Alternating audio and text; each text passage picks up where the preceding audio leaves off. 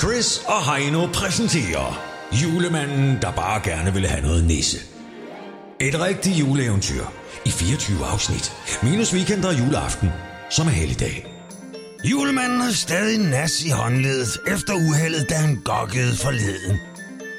Men det er nu blevet bedre. Det er det da. Det nisse, det skaffer jo ikke sig selv.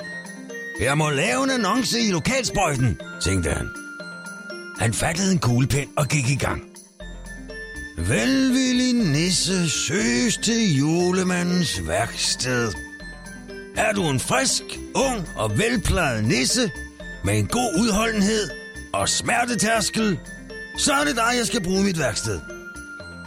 Der er travlt op til jul, så vi kommer til at lægge vandret.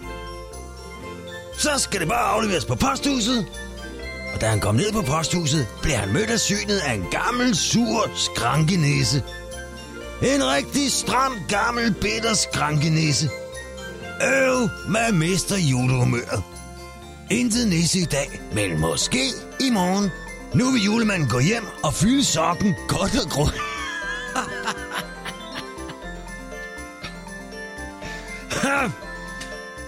nu vil julemanden gå hjem og fylde sokken godt og grundigt. Helt til randen. Åh, det skal blive rart at få fyldt sokken.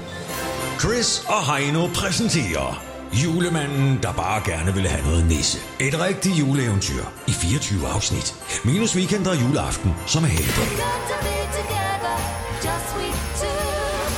Chris og Heino. Chris og Heino er klar til en ny dag kl. 6.30 på The Voice. Og på podcast via Radioplay.dk.